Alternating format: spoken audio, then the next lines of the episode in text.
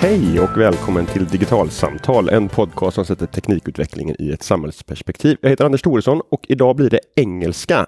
Uh, because I would like to introduce Dana Boyd as a, today's guest in the podcast. Welcome to the show, Dana. Thank you for having me. Uh, among other things, uh, you are the founder of a research institute called Data and Society. Mm -hmm. And I would like this discussion to be about data and society. Uh, and we could start with a name. Um, what is data really? the funny thing is, I don't know. Um, you know, I always think of it as the pieces and bits of information that, uh, when combined, help us, you know, build this uh, amassed object that allows us to then interrogate it. And I say this because data doesn't inherently give us information. It doesn't inherently give us knowledge but it can be probed with different methods, with different, you know, tools in order to produce an understanding. And I think part of why I like it as a concept is um, that it's a reminder that we start with this, you know, I don't want to say neutral, but like this nonsensical uh, set of bits, and we put meaning into it, um, and we put meaning into it through our processes. And it's that meaning making uh, that sort of connects it to society. Um, the other joke for me about data and society is that we call it DNS. Um, and if you think about uh, the early days of the internet, uh, really going back to you know thinking about what is the fundamental architecture is part of what we're trying to ask. So, what is the connection between data and society? what is it the data data does to our society today? So, part of what I like about you know, thinking about data in a broader context is that we've always used data for different decision making processes. So, you know, in the United States, I think of it in terms of our democratic processes. We enumerate the entire population through a census. And so we count all the people, and that produced these unbelievably large data sets. Um, through the idea of understanding weather, we produced, we, you know, we use sensors to acquire tons of information because that has huge ramifications for, you know, economic considerations, etc. We've used data throughout, you know, human history as a way of trying to store information and, and build knowledge from it. Now we're at a moment where, because of digital technologies, we can both produce and store record amounts of data. Data about people, data about interactions, data about, you know, web pages, all sorts of different kinds of data. And we're doing it in a context where we're like, if we just have more data, we will solve all of the world's problems. And that is actually an ancient idea, right? Which is like, we will know all the things when we get all the data. And you're like, mm-hmm, sure. So, so, so the concept of data and society isn't new. It, it's just the, the scale of it that has changed. Well, I believe that none of it is ever new. It's a it's it's part of you know trend lines, and there are sick you know cycles to them, and I think that's what's really important to remember. Um, and as a group of social scientists, we also pull on the historians amongst us to be like, hey, help me contextualize what we're seeing right now. I'm a big believer that the internet mirrors and magnifies the good, bad, and ugly. And its amplification power is what is new. But the trend lines that it's playing on aren't new. And the fact is that we've had other forms of media that have amplified in the past. And each time we escalate, you know, and, and you know, magnify our amplification, we get very anxious because the reality is as a society, we don't know how to function as a global society. We don't know how to function um, and govern ourselves at that scale. Even the idea of governing in a nation state context, um, in the scale that was really at the 20th century, was actually pretty much new for the 20th century. So, one of the things that's interesting about this highly networked world is that we've got phenomenal governance challenges in front of us, things that we really don't know how to do. Can you give some examples of what the challenges are? Sure. So, you know, think about the kinds of content that any one of us can put on the internet and we can use the tools that are available to us to amplify. And some of that content that we produce um, might be problematic. It might be concerning. It may not fit within, you know, the social logics of some communities. Who gets to decide what content is appropriate or not appropriate? Who gets to decide what, you know, gets to be amplified or not? And because we're at a moment where there are just a handful of US tech companies and a couple of Chinese companies that really control most of the amplification, we usually turn to talking about regulating them.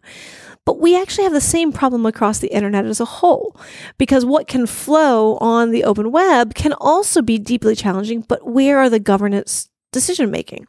And if we just revert to saying it should be each nation state and carve it up as uh, you know these separate structures, we lose one of the you know most beautiful parts about the internet.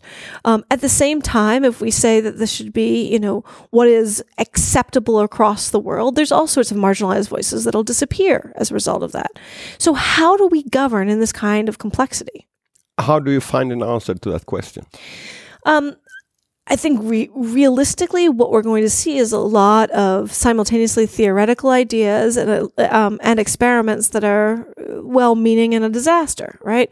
Um, you know, Google and Facebook continue to put out new proposals about what they're doing, and everybody continues to shake their head and roll their eyes, being like, "What are you talking about?" Um, and we're seeing a moment where it's like, "Why should just a handful of people get to govern all of these things?" So you know, then you're sitting there with the fact that like, you know, ICANN is a com- has a complicated history of governing even domain names, let alone how to handle these other problems. You know, different countries are stepping in and creating walls. Like we're seeing movement. Um, and that movement to me showcases the idea that we don't actually have an answer. Um, and that, you know, even the smart, smartest amongst us can like, you know, imagine different possibilities, but we don't know what it's going to look like until it's in practice.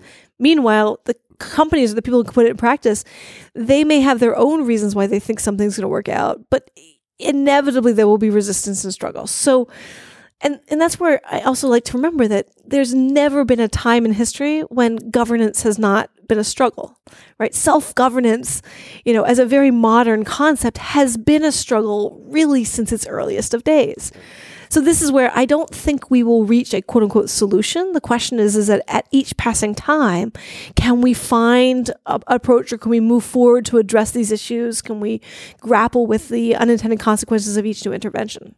To me, it seems like we are at, at the moment uh, trying to, to address uh, some of the issues you, you are talking about by, by discussing explicitly how how Facebook and Google should should handle them.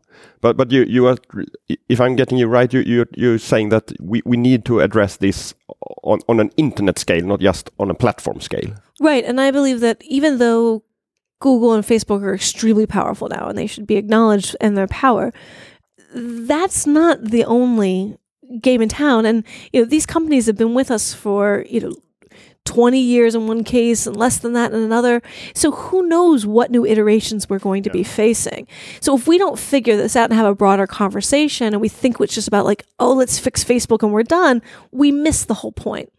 The other thing I think is that we're going to be dealing with geopolitical dynamics around all of this. And everyone can see that on the horizon with regard to the fact that it's the US tech companies and the Chinese tech companies that are increasingly dominating, and they serve very different markets and with very different sets of logics.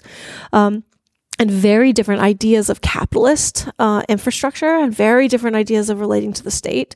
Um, and so there's going to be this tussle um, between these different companies. We're already seeing that at the infrastructure layer, right? So the questions of 5G as it's, it's emerging, you know, this huge question of what it means that these um, uh, core hardware are produced in China, which has the U.S., you know, anxious as anything, and the U.S. is turning to Europe and say, "Don't buy from Huawei," um, and so you know, there's this moment where we are going to see the geopolitical components come into this um, at increasing speed. And I don't think that we have geopolitical leaders who are really prepared for those conversations um, on top of all of the just, you know, internet layer, on, you know, the co- content layer on top of the internet. The work you are, you and your colleagues are doing at Data and Society is not just about uh, the, the internet, but but uh, about uh, AI and machine learning and data bias and and other things as well. What other areas beside internet, do you, do you see as problematic or uh, regarding how we trust data and the hope we, we put in data and analytics today? Right. So I think the way to see it is that every area has positive and negative sides to the same coin. So maybe we'll take on the idea of precision medicine because the positive is so clear. The possibility of being able to collect meaningful information about individual people's bodies, build really um, sophisticated models about what um, interventions might work well. Just think about that in terms of cancer, right? Mm-hmm. We know that cancer, you know, it, we have classes of cancer, but the individual cancers that individual people face are unique. So the idea of being able to do targeted um, responses is is just mind blowing and exciting. Um, and there are a few people out there that are just like, let's not solve cancer, right? Everyone's like, yes, we believe in the goal. But what does it take to get there, right? Whose bodies do we prioritize in, in the search for various uh, interventions? Whose bodies are in our data sets and are considered or not considered as part of this? And this opens up a Pandora's box of a long standing set of histories of, you know, problems within medicine writ large. We didn't tr- test most um, uh, medicines on women because we were afraid that it would affect childbirth. Of course, one of the things we've learned is that testing on men also affects that, but we never imagined that. Um, Crash test dummies for, for car accidents is a similar thing that we right. Yeah. The bodies are, you know, and so we have these, uh, you know, biases in our data. We also have longstanding horrible histories, right? The Nazi experiments, um, you know, in Germany or the Tuskegee experiments in the United States that result in large swaths of the population not trusting the collection of data about their bodies and their health and feeling like they will be experimented on. And so that means that even in this race for something so positive, we have to grapple with all of these negative histories and we have to make certain that they don't get repeated. Um, and that's not necessarily uh, as easy as one might think. No. Right? Uh, you're saying we. Uh, who, who, who is we in this context? Who, who does to understand what about all these issues? Right. So, from my perspective, you know, because I believe so heavily in self governance, um, you know, in a democratic sense, the we is really coming together as a society. And what that means is that it's a collection of, you know, individual stakeholders that are there because they're passionate about the issue or because they're an expert or have experience. We're also talking about scientists and people who really are thinking about it as their profession and their livelihood. We're thinking about, um, you know, what it means of, you know, what are our typical governance structures? So the idea of elected officials in a democratic sense. So I put we you know, in really that royal sense yeah. because I don't think that any of this can be solved by just one stakeholder group. And I think that's one of the reasons why self-governance is so hard because it requires, you know, the coordination of so many people and stakeholders. Yeah, okay. Uh, we are, we are recording this just minutes after your keynote at, at Internetdagarna, and, and you quoted uh, Richard Coase, I think his name, name was, uh, who in the 60s said that if you torture the data long enough, they, the, it will confess to everything. And that reminded me of a presentation I recently looked by Arvind Nar Narayanan, who I think you have worked with, uh, uh, who recently said that many solutions marked with AI are nothing more than elaborate random number generators. Uh, and he used uh, software for candidate assessment in HR as a typical example. And I have been covering how uh, digitalization is changing and being used in, in HR. And uh, I was struck by how often AI are used to, to uh, in recruitment processes. And, and I asked the companies, um, but how have you assessed the data that had trained algorithms? And they doesn't seem to have realized that this could be a problem many times. And if they haven't, they can't talk to the clients about the problems. So, so, so how, how to educate, I mean, the broad masses who actually right now are, are meeting with companies who claims that we, we have solved the problem you have with AI. And there are all kinds of different problems with the, the solutions that they are offering. Right. And that's where I think it's important to remember that snake oil has been with us forever. Okay. Which is to say that at the same time that you're seeing genuine advances and struggling with what kinds of knowledge can be produced, you're seeing a lot of people try to sell and market stuff that is crap Um, and I think that's again, this isn't new. I, I you know I'm thinking about Paul Edwards' work, um, and he was really interested in in the early days of weather forecasting. Mm-hmm. And one of the things about weather forecasting is the first models were horrible. They were actually just random. And the joke was is they were used in military contexts when effectively they were random.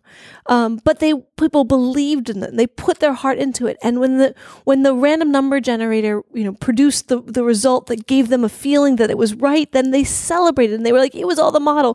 When the random number generator produced something that turned out to be wrong, they were like, ah, well, we just got to improve the model, right? this is what we're still struggling with. Yeah. So we read into you know, AI, we read into data um, in the same way that we read into tea leaves. We read into it hoping that it can produce some sort of answer. And that's where I think we have to understand what is the work that these systems are meant to do. And, you know, in a context like HR, the work that they are meant to do is to create an impression that the decision making is not biased. They are meant to, you know, try to not make the HR professional liable for the decision making or try to get past, you know, all of the weaknesses of known methods, right? Human interviewing is terrible. It's a terrible for actually assessing whether or not somebody is qualified as a candidate. And yet we do it. So it's like, oh, well, we'll do this new form, you know, and this is where, again, HR has this beautiful history. So um, there's a long-standing uh, approach in the early days of psychology of like, we can just find the psychological test that will prove whether or not somebody's skilled. And we still use psych tests uh, for many different kinds of jobs. And so when I look at these systems, for me, it's it's you know it's the same thing that we've done in the past with a new glean in order to sell a new, into a new market. And where I think the responsibility lies is for all of us to understand that history, to recognize that this that we are doing this for a reason, and to accept it or reject it. Right? if we accept it, we say, we're going to do this because it's fitting within these particular processes, right? We still take off our shoes at the airport, not because it actually makes us safer, but because it's just now a process. And there's certain things where we're going to use these technologies just because it's a process, because somebody's making money or some decision got made and it's just too difficult to undo those decisions. But it behooves you know each and every one of us as individuals as mem- you know members within the HR community to really take a look and say why are we doing this and what is the history that got us here okay. But but how how to how to balance how, how to understand where where data and algorithms and automation processes does harm and and yet reaping the benefits where it actually can can help and uh, elevate uh, a, a, company or society or whatever. Well, that's where I believe we have to start with what are our values. What are we actually trying to achieve? So let me shift it to a different um, component in um, the, the, professional world, which is scheduling software. Mm -hmm. Right, scheduling software is a piece of software that takes in a lot of different inputs and decide and, and produces the schedule for all of the workers at a say a store. Um, so let's just pick on a store context. Now, I can design that to be optimized for any number of different conditions. I can make certain that workers get to work with the people that they most like to work with, that they get to work the hours that they most prefer, that the, you know, different trade-offs and, and hierarchies are managed within the system. And I can really optimize it for worker happiness. I could also optimize the same system to make certain that workers never work with the people they like working with so that they don't unionize, so that they, they work unpredictable schedules so that they don't have another job so I can always get them for last minute, that um, they, you know, never get above 30 hours so that I don't have to pay them, you know, health insurance in the US context that may be of interest to the um, uh, the management or the you know the the ownership. Um, but that's a terrible outcome for workers. So what is it that the same kind of technology can be optimized for a variety of different conditions based on what we want to achieve? It all comes down to an articulation of value. And so we can't just say, oh, it's just scheduling software and it's the best scheduling software in the universe. It's like, no, what is that designed for? What are the values that we're putting front and center? And I think that's true for a lot of our different systems, which is that when we start to articulate the values and we then articulate and make visible the kinds of metrics that we're using as a way, as a proxy for those values, right? Because we're going, if we're going to turn it into a computer system, we're going to turn it into metrics.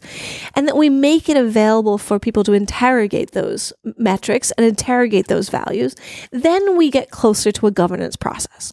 And that's one of the reasons why, you know, these complex, you know, AI systems, you know, it all really depends on what they're optimized for, right? Great. You can find cats on the internet. C- congratulations. That's awesome, right? And that's like a task that we can sort of say, yay, what's the big deal? But what does it mean to then think about how to label people? Right? And you can imagine a fundamentally different um, use case for thinking about a humanitarian intervention versus a law enforcement intervention. And so, what does it mean to design for those values and goals? What does it mean to restrict use case to specific scenarios? Um, how do you think about recovery, you know, post facto, right? Which is that maybe we want to collect an obscene amount of data in a humanitarian crisis to make certain that things are taken taken care of. How do we actively get rid of that data so that it doesn't become costly later? So these kinds of things are all part of the questions that we have to struggle with. But is is this achieved by by regulations or or or lo by law or or how do you make make sure that that it, sounds like you, you need a multi-stakeholder process here where, where as many voices as possible are, are heard about this scheduling software so it's not not just only the developers at, at the technology company building it and, and the uh, shop owner who, who decides how it's going, going to work how, how, how to make sure that all voices are heard and that, that what we decide on actually are, are what's being done. Right. Well, fundamentally, this is where I'm reminded that a market driven logic does not always end up with outcomes that are beneficial, right? A market driven logic is going to say that the person who purchased the, so- the scheduling software is the owner or manager, and their logics and needs trump everything because they're the ones actually determining the outcomes. And that's where I go back to Larry Lessig, um, who's uh, in his book Code argued that um, technical and, and social systems are regulated by four forces the market, the law, social norms, and the architecture or the technology. So we can build the technology in certain ways, but is that built you know how does law come in and shape all of that? How do social norms determine what goes on? How do the market logics win? Right now overwhelmingly we're allowing the market logics to dominate. We're saying that the market is the thing that can dominate the decisions about the uh, the design of the technology and that's going to end us in a terrible place. And so this is, you know, a moment where we have to talk about elevating social norms and we have to talk about elevating um, law uh, or governance structures. But we have to do it in a context that's no longer simply about nation states. And that's why I keep coming back to the fact that we're in a governance challenge. Mm. So, so we need international uh, agreements on, on, on, on this. I think that's one path forward. Um, I think that, you know, we are going to have to build, like, let me give you a concrete example. Um, after uh, the terrorist attacks in Christchurch, New Zealand, yeah. um, uh, the Prime Minister Ardern realized that, like, you know, her country, New Zealand, wasn't going to be able to simply regulate the U.S. tech companies in any ways that would make sense for the, for the Kiwi community. And so, rather than just saying this is what we need, um, she started to engage her counterparts in Canada, in France, and other countries, saying, How can we come together and start to imagine what our alternative democratic you know responses to this. Um, and they've begun a process right? And you know the tech companies have responded to their process saying okay and they've made some concessions and they've done a couple of different things. Um, but there's you're starting to see a different way of going about it. So rather than saying there's a french way or there's a canadian way or there's a um, kiwi way there's now saying okay what can we find as common ground? So that's where you, you know, that's not necessarily a global response, but it is a multinational response. And so that's where I think we're in a moment where there's going to be a variety of different responses. You know, I can imagine, you know, already we've seen this Pope say this is going to be what a Catholic value systems are going to be right? And so what does that mean, right? Because of course the Pope does not speak for all people across the globe, but his reach is broader than a set of discrete nations. And yet his, his reach is not all of any one nation or most or not all of most nations that he's that he's relevant so how do we think about all of these different voices coming together?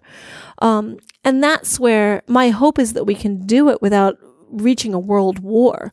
Um, but in many ways those are the closest you know in living memory moments of that kind of scale of coordination. Yeah.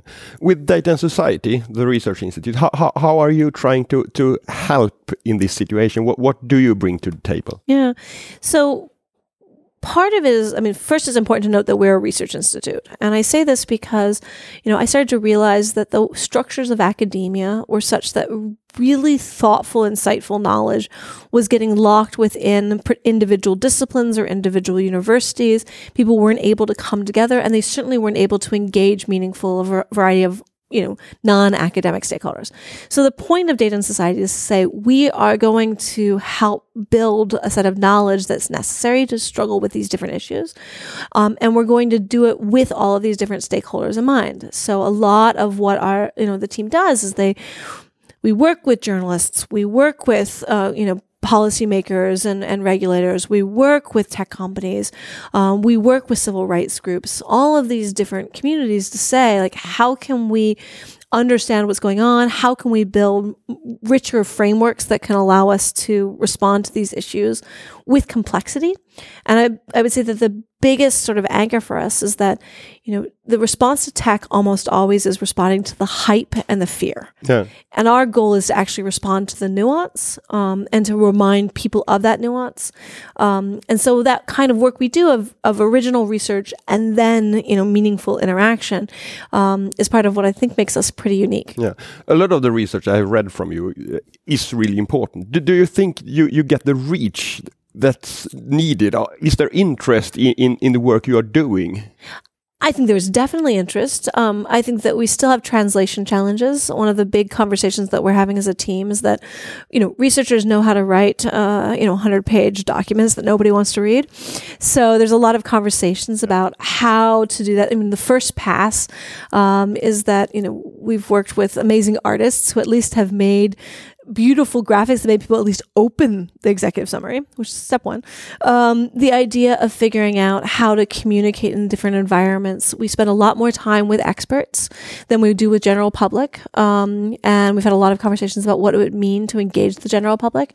But frankly, we don't have the video making skills and the like, there's, there's a translation that's needed. So it's a question of, you know, more interacting with uh, people who already know how to do that. So we are more likely to inform, um, you know, comedians that you might see um, in national TV um, or you know other forms of you know, media makers than we are to necessarily be the public voices. Um, so I think that a lot of our work ends up having ripple effects. You know, is it enough? No. Um, you know, I think we're still experimenting with how to get better. And there are places where I think that we are better staged to be at the table, but we also have to realize that, you know, different stakeholders have different incentives. So, you know, I can sit down with and have sat down with, um, you know, members of the U.S. Congress and being like, here's some questions you should be thinking of asking of, you know, tech leadership. Um, and at the same time, I can guarantee you that nothing that I articulate in that way is going to be what comes out of their mouth when they feel like ranting. That's par for the course. Um, so there's a point where you're helping people figure it out. But, you know, I think that there are, you know, moments in which different members of our team have really helped different, you know, stakeholder groups be like, oh. And so I, I, I have, I've had the joy of witnessing those moments, those aha moments. Um, and I think of it as the joy of, of truly being a professor, which is that the point of professing is not just to speak, but it is to inform the thinking. Um, and you don't just have to profess at 18 year olds. There is a lot of value of thinking about engaging professionals. Yeah. And so I think of that responsibility, which is that, you know, we have the, the privilege and joy of being able to do research and we have a responsibility to profess. And our effort is to get more and more creative, different ways of professing to reach different audiences you know, and hopefully we'll get more successful yeah. over time. Finally, uh, the listeners to this podcast are uh, a lot of them are teachers or librarians or working in public sector and government. Uh, if you could ask them to do something, what would that be? I think, you know, one of the things that I've most struggled with is that the internet is a place where people are very visible about their joy and their pain. Um, and you know, I'm on the board of an organization called Crisis Text Line, which is where people um, text uh, messages and get crisis counseling. And it's so visible how many people are struggling. And so, as we all talk about regulating tech or policies that will do this, we need to also remember to, to just actually work at the human scale. Yeah. And that means, as educators, really focusing on the individuals. And when they're crying out for help online, um, what does it mean to really hold them in the classroom? When you can see them struggling, how do you make certain that they get the social services that they need? How do we not get so obsessed in the large scale that we forget about the really human scale? And I think that's where I, I, you know, certainly for policymakers and educators, it's like this moment of saying we need to really build the local, the community, the really connected. Um, and the internet has given us this potential for scale. But what we will scale if we're not careful will be the toxic dynamics. Um, and so the key to addressing that toxicity is to really go back and locally knit and think The about human policies connection. Human connection all the way down. Dana, thanks for coming on Digital Samtal. Thank you for having me. Och till er som har lyssnat, vi hörs igen nästa vecka. Hej så länge.